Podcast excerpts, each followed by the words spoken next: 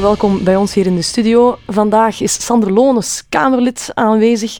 Uh, Sander, wie jou misschien nog niet zo goed kent, uh, die zal nog niet weten dat jij natuurlijk de man bent van de cijfers en de begroting, dat jij die genadeloos durft te fileren.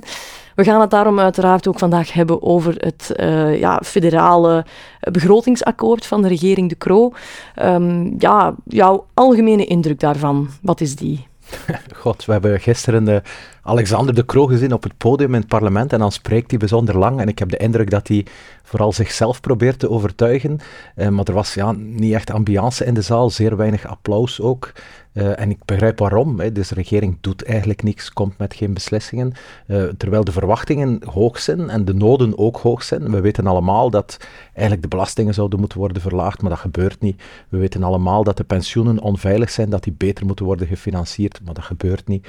We weten allemaal dat die arbeidsmarkt moet worden versterkt. Mensen, meer mensen moeten gaan werken, vooral in, uh, in, in Wallonië en in Brussel, maar ook dat gebeurt niet. En keer op keer hoor je dan mooie woorden, slogans van, van een premier, uh, maar iedereen doorziet dat. Hè. Het is weinig geloofwaardig allemaal. Ja, dus het is eigenlijk vooral een begroting met een gebrek aan hervormingen, als ik het zo hoor dan. Ja, eigenlijk wel. Alles wat je zou verwachten in een begroting staat er niet in. Hè. Staat er gewoon niet in. Uh, en dat merk je niet alleen in de woorden, maar, maar ook in de cijfers. is gemorrel in de marge. Er zitten wel wat, wat nuttige voorstellen in, hier en daar goede, goede ideeën. Maar echt doorpakken, dat doet deze regering niet. En dat betekent dat de volgende regering uh, al het werk zal mogen opknappen. En is gewoon oneerlijk. Hè. Ze zeggen dikwijls, it's the duty of the opposition to oppose. Maar het is ook de duty of the government to govern. Hè. Een regering moet regeren, moet verantwoordelijkheid nemen. En dat doet uh, deze regering niet. Al twee jaar eigenlijk niet worden er geen beslissingen genomen. Nu het volgende jaar opnieuw. We zitten nu al in lopende zaken. We zouden beter nu al naar verkiezingen gaan, uh, zodat we echt kunnen doorpakken met een nieuwe regering. Weg met Alexander de Croo. Als ik het zo hoor, ben jij er niet bijster optimistisch over, maar uh, premier De Croo duidelijk wel als we hem zo bezig horen. Hij beweerde zelfs dat we ja, richting de Maastricht-norm gaan. Nu gewoon even voor de duidelijkheid, wat is die Maastricht-norm juist? Wat moeten we ons daarbij voorstellen? Ja, we zitten samen uh, in de eurozone, we betalen met de euro en dat betekent dat er een aantal Europese afspraken zijn gemaakt. Hè. Je mag uh, een bepaalde gradatie van schulden en tekorten hebben, zeer concreet 3% tekort mag je op je rekening hebben, maar België gaat naar de 5%. Hè. En dat is echt lachwekkend als je dan een, een, een premier op, op het podium ziet staan die, die gewoon vlak af beweert dat zij de rekeningen op orde aan het zetten zijn en dan gaan ze naar die, naar die 3%-norm. Terwijl net op dezelfde dag het Internationaal Monetair Fonds komt met een aantal nieuwe cijfers die bewijzen dat België naar een tekort van 5,5% gaat. Hè. Dus we gaan bijna naar dubbel, naar het dubbel van wat we eigenlijk mogen uh, in Europa. Uh, en dat is gewoon onbetamelijk. En stopt het trouwens niet. Hè. Uh, wat hebben we nog allemaal gehoord van de Croo? Hij zegt dat hij een inspanning doet van 11 miljard euro. Ja, ik zie die niet. Hij is begonnen met een begrotingstekort van, van zo'n van zo'n 11 miljard. Vandaag is het tekort 18 miljard. Dat is 7 miljard slechter. Maar hij zegt dat hij het 11 miljard beter doet. Oh, ik weet niet waar, waar, hij die cijfers, uh, waar hij die cijfers vandaan haalt. Hij telt van alles op wat hij eigenlijk niet op mag tellen. Hij vergeet dan ook erbij te zeggen dat hij ook verschrikkelijk veel extra geld heeft uitgegeven. Zo'n 8 miljard.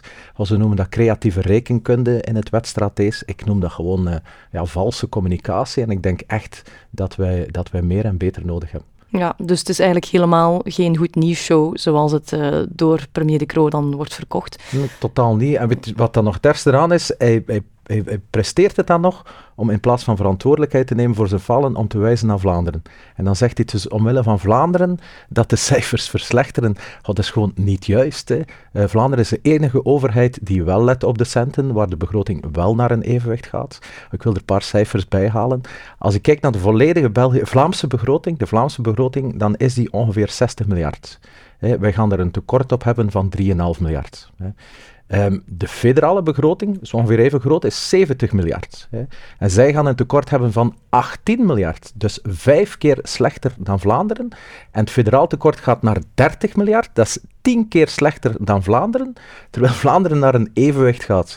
Vlaanderen let op de centen, Vlaanderen doet wat moet. Het is in België dat probleem zit. Ja, dus het grote verschil eigenlijk tussen Vlaams en federaal is dat ja, Vlaanderen dan op termijn wel naar een begroting in evenwicht gaat en dat we dat dan op federaal niveau helemaal niet zien, als ik het zo begrijp? Ja, absoluut. Hè. Wij, wij doen wat moet. Uh, daar worden beslissingen genomen. Federaal wordt er alleen gecommuniceerd. Hè. We horen de Croo zeggen dat hij 300.000 jobs heeft gecreëerd. Ja, de arbeidsmarktexpert Stijn Baart spreekt dat tegen en zegt ja, dat is helemaal niet waar. De regering komt niet met maatregelen om die jobs te creëren. Uh, bovendien doen andere landen het veel beter. We horen de Croo zeggen dat hij de schulden onder problemen heeft. Het Internationaal Monetair Fonds zegt dat is niet waar. Uh, België is het enige hoge schuldenland waar de schulden nog verder gaan exploderen. We horen de Croo zeggen dat het licht zal aanblijven. Ook dat is niet waar. Energie-experten zeggen nu al dat er te weinig kerncentrales uh, open blijven. Asiel is een chaos. De treinen rijden niet op tijd. Het is een en al miserie wat we zien komen van die Belgische regering. Ja, ja.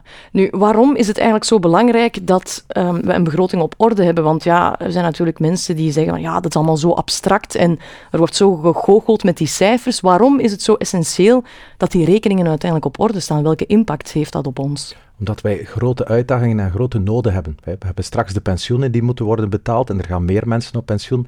Dus dat betekent dat er echt centen voor beschikbaar moeten zijn.